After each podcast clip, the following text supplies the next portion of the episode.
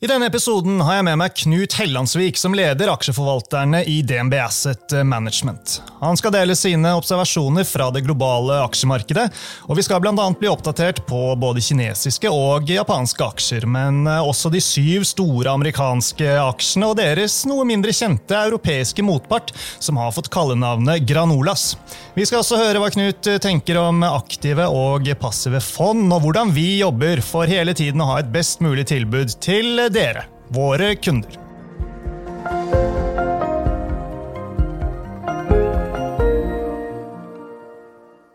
Velkommen til eh, Utbytte, DNB-podkasten der vi forklarer hva som skjer i den globale økonomien og finansmarkedene. Jeg er eh, Marius Brun Haugen, og med meg har jeg også eh, Knut. Velkommen tilbake her i Utbyttepodden, Knut. Tusen takk for det. Vi har jo ganske mye vi skal igjennom, men det er mye som skjer, så det er vel på sin plass? Absolutt. Aldri kjedelig i aksjemarkedet. Nei da, og markedet det har jo en sånn positiv uh, undertone. Da. Altså, det har bare fortsatt å overraske positivt inn i 2024, i hvert fall på globalt indeksnivå. Det er jo gøy. Kan ikke du starte med å dra oss litt igjennom der vi er nå, og hvordan du ser det? Absolutt. Vi er jo nesten nærme all time high, både når du ser på SMP 500, på Nasdaq, MSI World. Eurostox 50 her i Europa er nesten på all time high. Og selv Japan, som nådde sin topp i 1989, er vi nå bare 5% unna. Og Oslo Børs som dere vet, nådde sin topp i, januar, men vi er vel en 5-6% unna der også. Så det har vært eh, enormt sterk merke der. Og spesielt da når vi går tilbake til høsten, så var det vel i slutten av oktober vi fikk det rallyet som, eh, der SMP 500 gikk nesten 20% bare på to måneder. Og um, Man spør jo seg hva er det som har skjedd. og jeg tror uh, De fleste har vært overraska hvor sterk økonomiske veksten har vært, spesielt i USA. Uh, vi har sett forbrukerne har vært uh, sterke, drevet av et sterkt arbeidsmarked. Og inflasjonen har kommet ned raskere enn forventa. De fleste tror nå at rentetoppen er nådd, og at en form for myk landing har blitt liksom hovedscenarioet her. Så det har vært veldig mye å være positiv over. Mm. Og USA har jo liksom vært eh, ledestjernen. Vi vi må se til tech igjen. Absolutt. Og Hvis man eh, drar på seg litt de lengre brillene her og bare ser på hva som har skjedd det siste tiåret, så er jo det egentlig ganske formidabelt. USA sin vekt i MSCI World, som de fleste bruker som en benchmark, har gått fra 54 til 71% vekt i den perioden. Og hvis du ser på den MSCI All Country World Index, som tar med alle land i verden, så har de gått fra 49 til 64% vekt. Og mye er jo drevet av teknologisektoren. I samme periode, altså de siste ti årene, er Nasdaq-indeksen opp eh, nesten 300% og Så det har jo vært den viktigste driveren til til at USA har fått en så stor vekt i verdensindeksen. Og produktiviteten har, kan man vel si, på en eller annen måte har, eh, har økt?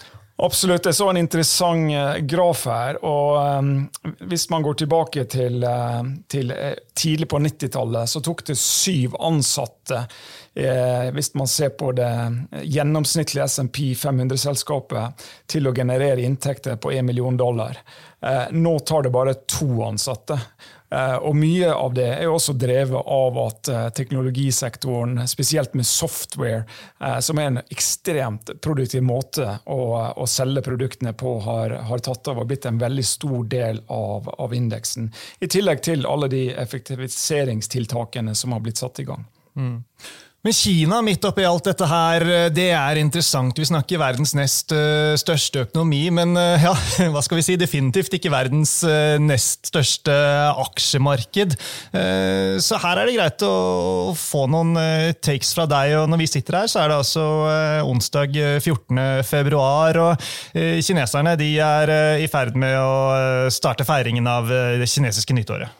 Absolutt, og det er ingen feiring i aksjemarkedet kan man si for tiden. Dette er jo Year of the Dragon, um, som for øvrig skal være et veldig godt år å bli født på, så man forventer mange nyfødte barn i Kina i år. det, ja, det, det trenger de vel for så vidt, ja. Absolutt. Men når man ser på aksjemarkedet, så har jo det vært bedrøvelig uh, de siste par årene spesielt. Også om man eh, bruker samme eh, periode som jeg gjorde på USA her, og går ti år tilbake i tid, så faktisk MSCI China ned 14 på, på de ti årene. Og samtidig eh, SMP 500 opp 170% i samme periode. Og som jeg nevnte, Nasdaq opp net, nesten 300 eh, i den tiårsperioden. Så Kina har vært en stor lagger. Eh, og du nevnte eh, verdens nest største økonomi. Hvis du ser på andelen av Kina som utgjør av MSCI All Country World Index, så er den bare på 2,6% Så nesten eh, nesten ingenting, for å si det sånn. Så det er nesten blitt eh, en, en, en indeks som, som få bryr seg om. Det er vel mange som mener at Kina ja, det er ikke investerbart. Altså, det er vel en viktig del av årsaken her til at det er blitt som det er blitt? Ja, og um, det er spesielt de siste par årene uh, hvor det har gått fra vondt til verre. Og det som har skjedd, er at vi har en eiendomsboble som, som delvis har sprukket. Uh, vi ser at veksten har kommet ned. Uh, det er faktisk deflasjon. Det er veldig høy arbeidsledighet blant unge. Og så har vi en regjering med Ski i spissen da, som har slått veldig hardt ned på de store tech-selskapene. Han mente vel at de fikk for mye makt. Og I tillegg så har vi geopolitiske konflikten, der Kina har blitt en no-go for mange, mange selskaper. Eh, og det har blitt restriksjoner med tanke på handel. Og som du nevner, internasjonale investorer har flykta. Og det var en konferanse som en stor investeringsbank hadde i Hongkong for vel en måned siden, der de gjorde en undersøkelse, eh, og der 40% av de globale investorene mente nå at Kina ikke er investerbart. Og Derfor er det mange som ser heller til India, og sier mm. at India har blitt det nye Kina. Ja, Har det det? Ja, man kan si, eh, iallfall basert på performance på aksjemarkedet, så har det nesten blitt sånn. For eh, mens eh, fra begynnelsen av 2021 frem til i dag, MSCI China er ned 60% i den perioden, mens eh, Nifty-indeksen i India er opp 61% i samme periode. Og det er mange som liker India. Det er jo et demokrati, selv om eh, Modi har eh, mye makt. Men, men det er veldig business friendly.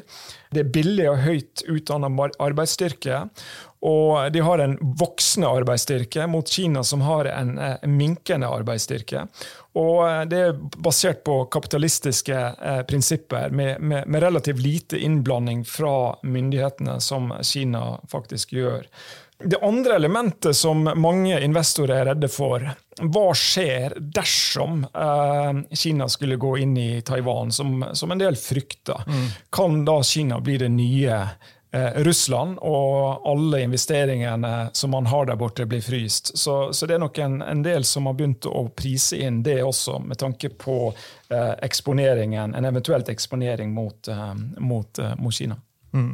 Nei da, og det er jo helt fair å si at uh, man mener at Kina ikke er investerbart. Men uh, det er klart, uh, hvis man mener at det er det, så, så, så, er det vel kanskje prisingen som gjør at noen ting begynner å se litt fristende ut. Da. Ja, og um, nå har jo kinesiske myndigheter bare i løpet av de siste par ukene uh, begynt å gjøre en del tiltak. Vi har jo en såkalt shortband som de har satt i gang. De har bedt statlige selskaper begynt å kjøpe kinesiske aksjer. Og det har vært en del uh, mennesker høyt oppe i, uh, i Securities Division som har blitt sparka i, i, Kina også. Så, så, ting skjer. Men spørsmålet er er det nok, og skaper det nok tillit til å få utenlandske investorer investorer tilbake i markedet? Det er det store spørsmålet. Ja, da, men dette er vel ting som dere følger uh, tett, særlig f.eks. i det globale fondet som du er med og forvalter, uh, Knut? Absolutt. Men du, du hadde en sånn ja. case study uh, som du gikk gjennom som jeg syns var interessant. For du var jo med tilbake når Alibaba kom i spill og har sett litt på liksom, utviklingen og hva som skjedde der, og i forhold til amerikanske Amazon, da, som er et av de største selskapene i markedsverdi i dag. Absolutt. Jeg jobba i JP Morgan på den tiden. Det var i 2014 2014 og Alibaba kom på børs. Eh, og Vi var en av bookrunners der. og eh, Det var jo veldig store forventninger. Dette var den store e-commerce-aktøren i Kina, som også hadde cloud- og payment-løsninger osv. Så, mange sammenligner det med, med Kinas svar på, på Amazon. Og det gikk jo veldig bra eh, lenge. Eh, aksjen var vel opp en, 250% på sitt høyeste eh, hvis man går tilbake til, til 2020. Men eh, siden det så har det falt veldig. Og hvis man ser over den tiårsperioden siden de gikk på børs, så er faktisk Alibaba ned 10 mens eh, Amazon i samme periode er opp 844% så, eh, så det har vært en kollaps. Fra toppen Alibaba ned 75% og det her er jo et selskap hvor kinesiske myndigheter eh, følte fikk kanskje for mye makt, og det ble en antitrust-etterforskning. Og når de var i ferd med å spinne av Ant uh, Financial, som er jo en payment-del av selskapet, så nesten helt på slutten av den børsintroduksjonen så kom myndighetene og egentlig stengte den prosessen ned.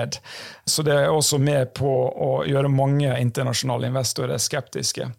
Så, så det, det, akkurat det eksempelet tror jeg viser mye om hva som har skjedd eh, i Kina de siste par årene, mm. og hvorfor det er mange som er skeptiske. Men hvis vi ikke går så langt fra Kina altså til eh, Japan, da snakker vi om noe som er investerbart, gjør vi ikke det? Absolutt. Og japanske aksjer har jo lagget ganske lenge, ganske mye, og ikke kommet til nye all time highs, som vi har sett i så mange andre markeder. Men så har det skjedd noe. altså. 2023 så var det jo liksom vinneren, og så har det bare fortsatt i år. Hva er det som skjer? Absolutt. Det er vel eh, det markedet som har gått best så langt i år. Og eh, som du er inne på, jeg tror MSCI Japan er opp 40% siden begynnelsen av 2023, og 12% så langt i år. Grunnen til den økte interessen er at um, det har vært en rekke reformer. Og uh, det går ut på Corporate governance har vært uh, viktig. Fokus på å få opp uh, avkastninger på kapital få inn eksterne styremedler, sånn som vi tar for gitt her i den vestlige verden. Det har ikke vært tilfellet der. I tillegg så har vi begynt å få inflasjon etter mange mange år med deflasjon. Og vi har også en veldig svak yen, som gjør at mange av de store eksportselskapene drar nytte av en, en, en svak yen med å selge til, til utlandet. Så nå er utenlandske investorer på vei tilbake og eh, som også er med på å drive opp eh, det, det markedet. Jeg tror det med internasjonale investorer er, svært viktig. og Hvis man drar parallellen tilbake til Abenomics, som vi hadde på det var vel 2013 til 2015, da de store reformene kom fra, fra den, den, gang statsminister Abe, da er innflyten vi har hatt så langt, langt bak det den var den gangen. Så det er mye mer å gå på her. Eh, så det er absolutt et, et marked som vi syns er veldig spennende. Ja, så Hvordan har dere posisjonert dere i forhold til uh, Japan, da, med de fondene som har mandat til å investere der? Du, um, vi, vi, er godt med, men uh, jeg syns vel personlig vi kan, vi kan legge enda mer i Japan. Så vi ser nå på en del ulike muligheter og hvordan vi skal eksponere oss.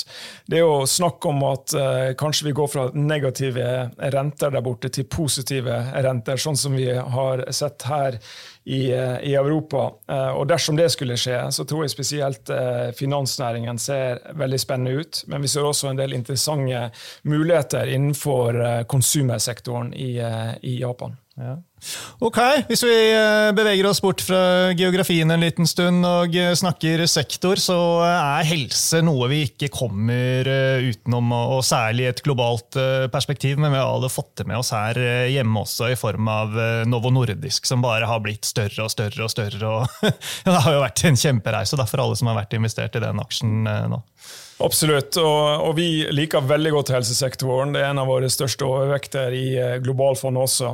Må, nå var jo det et relativt svakt år for helse i 2023, hvis du ser i forhold til uh, på de relative eh, måtene å se det i forhold til spesielt eh, IT, som var jo den sterkeste sektoren i fjor, men helse gjorde det relativt svakt. Men det er jo en defensiv sektor som over tid bruker å ha en av de beste, beste risk reward. Og um, Du nevner Novo Nordisk, og vi syns kanskje en av de mest spennende områdene nå innenfor innenfor i helse er medisin. Og der eh, Novo Nordisk, eh, vår, vår, danske nabo, eh, er store, men også Eli Lilly i, eh, i USA. Du nevnte avkastning. og jeg bare så en statistikk her. De siste fire årene Ila Lilly-aksjen opp 430 mens Novo Nordisk-aksjen er opp eh, over 300% Så det er klart det har vært eh, en veldig, veldig populær aksje og et veldig populært område å investere i. Men det er enorme muligheter. Hvis du ser eh, på antall mennesker i dag som er, er ekstremt overvektig, dvs. Si BMI over 30, så er det over 800 millioner mennesker i verden i dag som, eh, som har den diagnosen. Og det er kun én million som får behandling. Så det er et enormt potensial.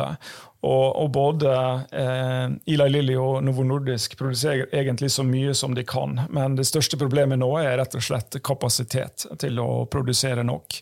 Og det er jo også sånn at uh, Man tror jo at de, uh, den medisinen gjør at uh, relaterte sykdommer til overvektighet, sånn som hjerte-karsykdommer og hjerneslag, vil se en dramatisk reduksjon på, etter de som har hatt behandling av den type fedmemedisin. Så det er også en stor samfunnsøkonomisk gevinst som gjør at både forsikringsselskaper og governments rundt om i verden er villige til å sponse den type medisin.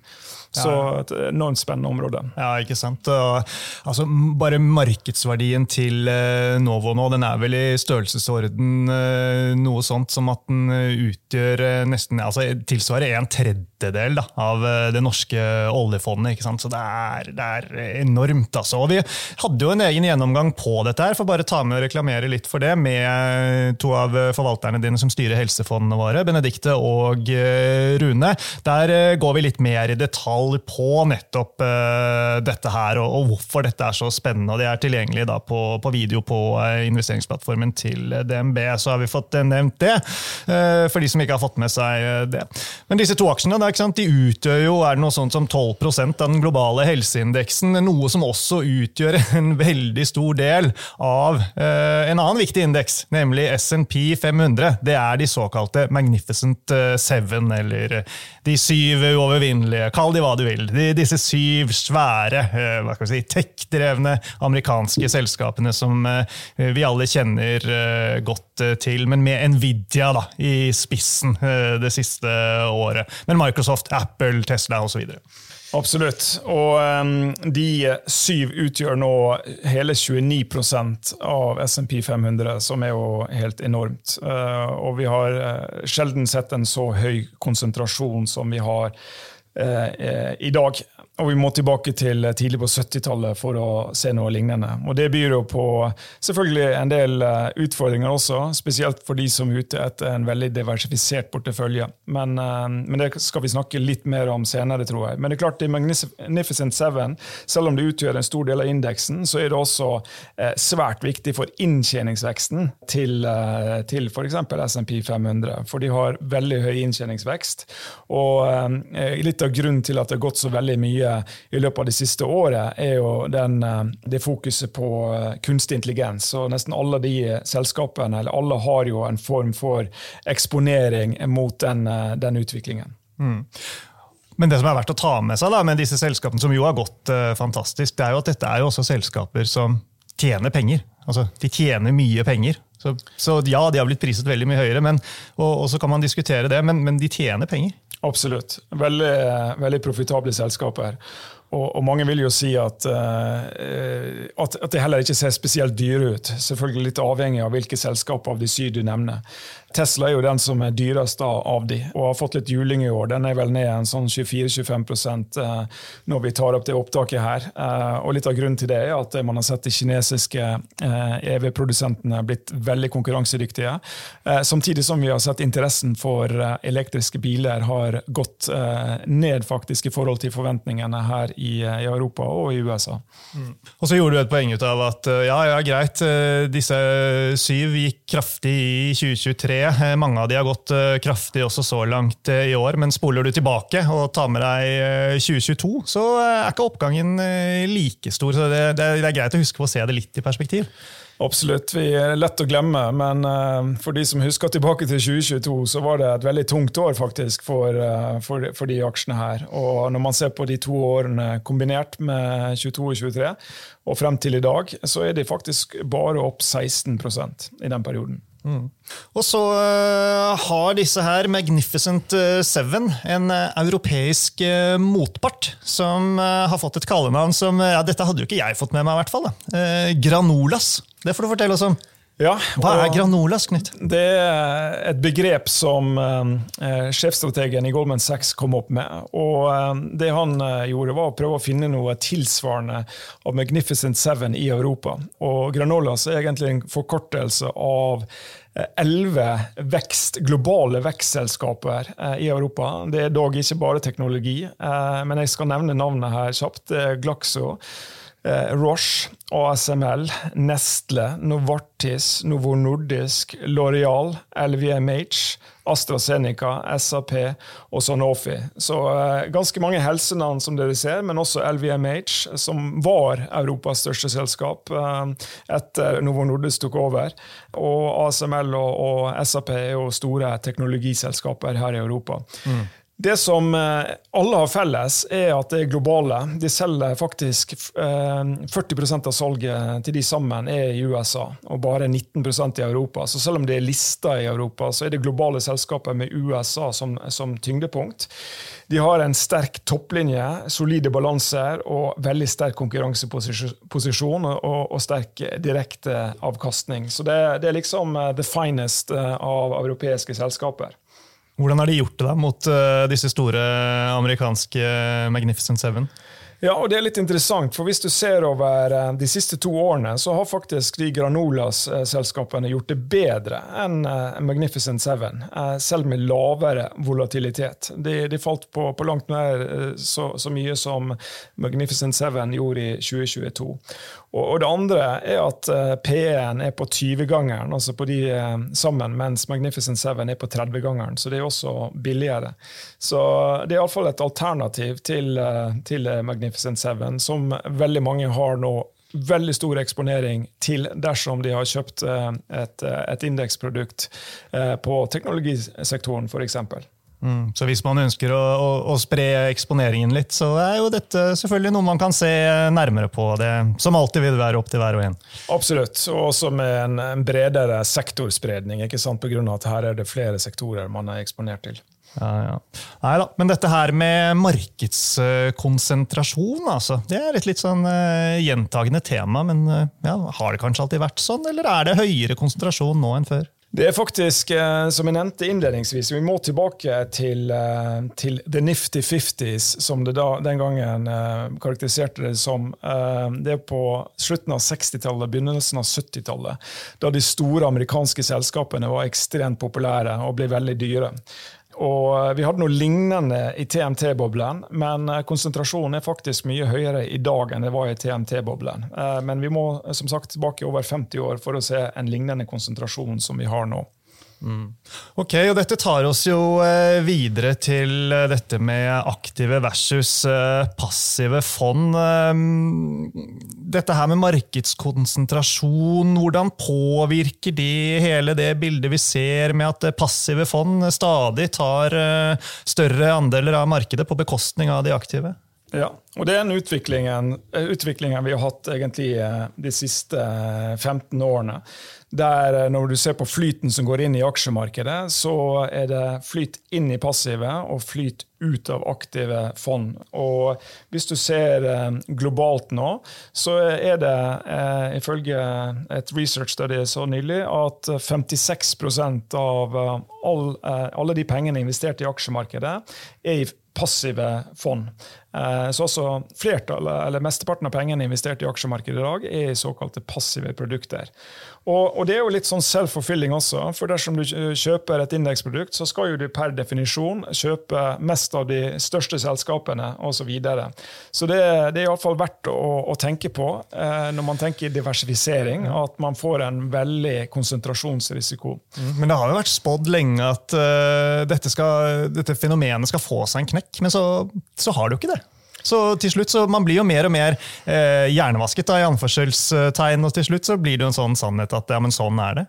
Indeks, det skal bare, eller det passive skal bare fortsette. Ja, og det har jo den fordelen at det, at det, er veldig billig.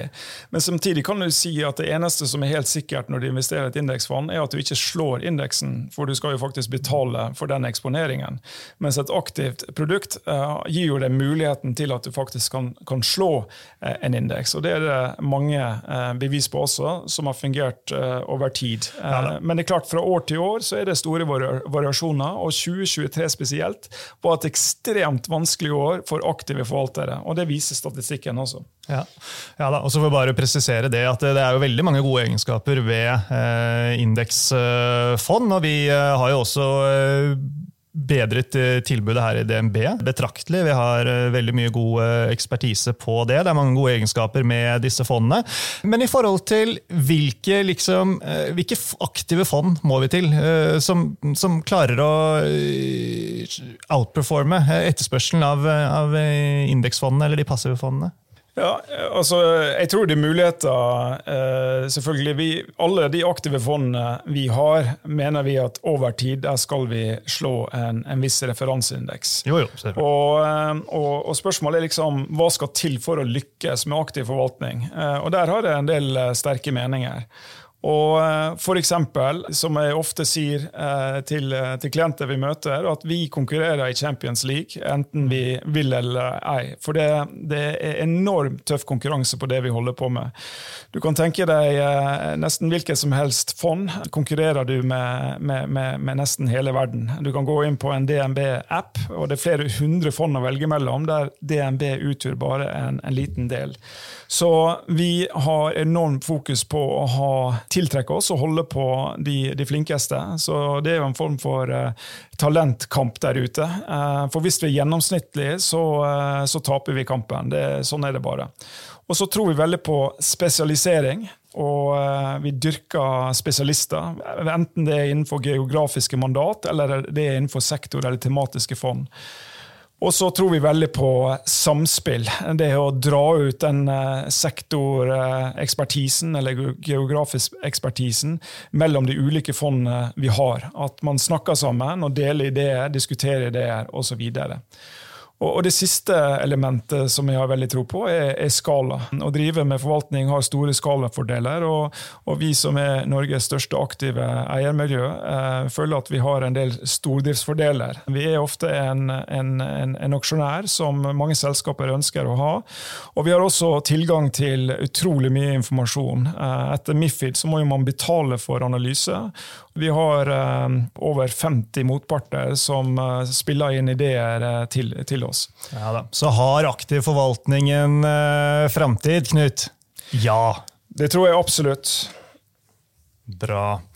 Ok, eh, vi nærmer oss eh, slutten. Hvis vi skal eh, forsøke å oppsummere litt, da. Hvordan er utsiktene hvis man ønsker eksponering mot globale aksjer?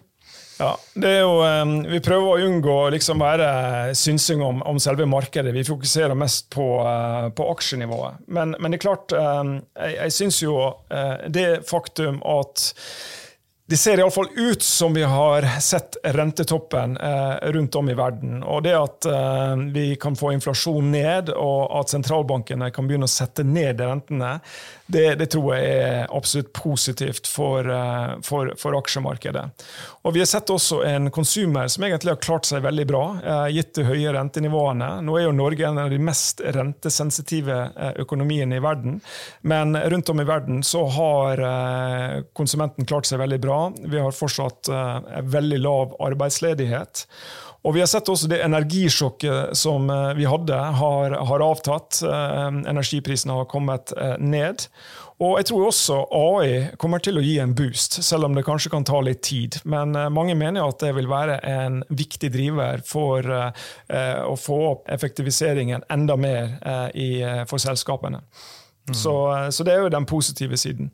Ja da. Det er eh, definitivt et eh, spennende år vi har eh, foran oss. Med det så runder vi av for i dag, så da gjenstår det bare å si, Knut, tusen takk for at du kom hit og var med oss. Veldig, veldig interessant, og det er jeg sikker på at lytterne synes også.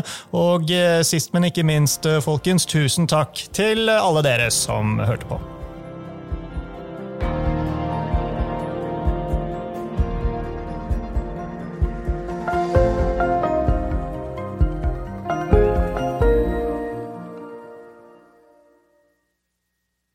Denne sendingen ble publisert i podkasten Utbytte. Innholdet i sendingen er å anse som markedsføringsmateriale fra DNB og er ment å være generell spareveiledning. Sendingen skal ikke oppfattes som et tilbud om å kjøpe eller selge finansielle instrumenter, eller som investeringsrådgivning tilpasset den enkelte investors situasjon. En investor som har behov for råd eller har spørsmål om informasjon som gis, bør kontakte en finansrådgiver. DNB påtar seg ikke noe ansvar verken for direkte eller indirekte tap som følge av innholdet i sendingen legges til grunn for eventuelle investeringsbeslutninger. Husk at historisk avkastning aldri er noe garanti for fremtidig avkastning. Avkastningen kan bli negativ som følge av kurstap. Bruk av prognoser for å beregne fremtidig avkastning er heller ingen garanti for fremtidig avkastning. Innholdet i sendingen bygger på informasjon fra offentlig tilgjengelige kilder som DNB ser på som pålitelige, men som ikke er uavhengig verifisert. Følgelig gir DNB ingen garanti i forhold til nøyaktighet og fullstendighet. Alle uttalelser her reflekterer DNBs, den enkelte ansatte, eller andre tredjeparts vurderinger på tidspunktet for den aktuelle sendingen, og kan i ettertid endres uten nærmere beskjed. Ytterligere informasjon om bl.a. kildebruk og interessekonflikter er tilgjengelig på dnb.no skråstrek invest, bindestrek disclaimer.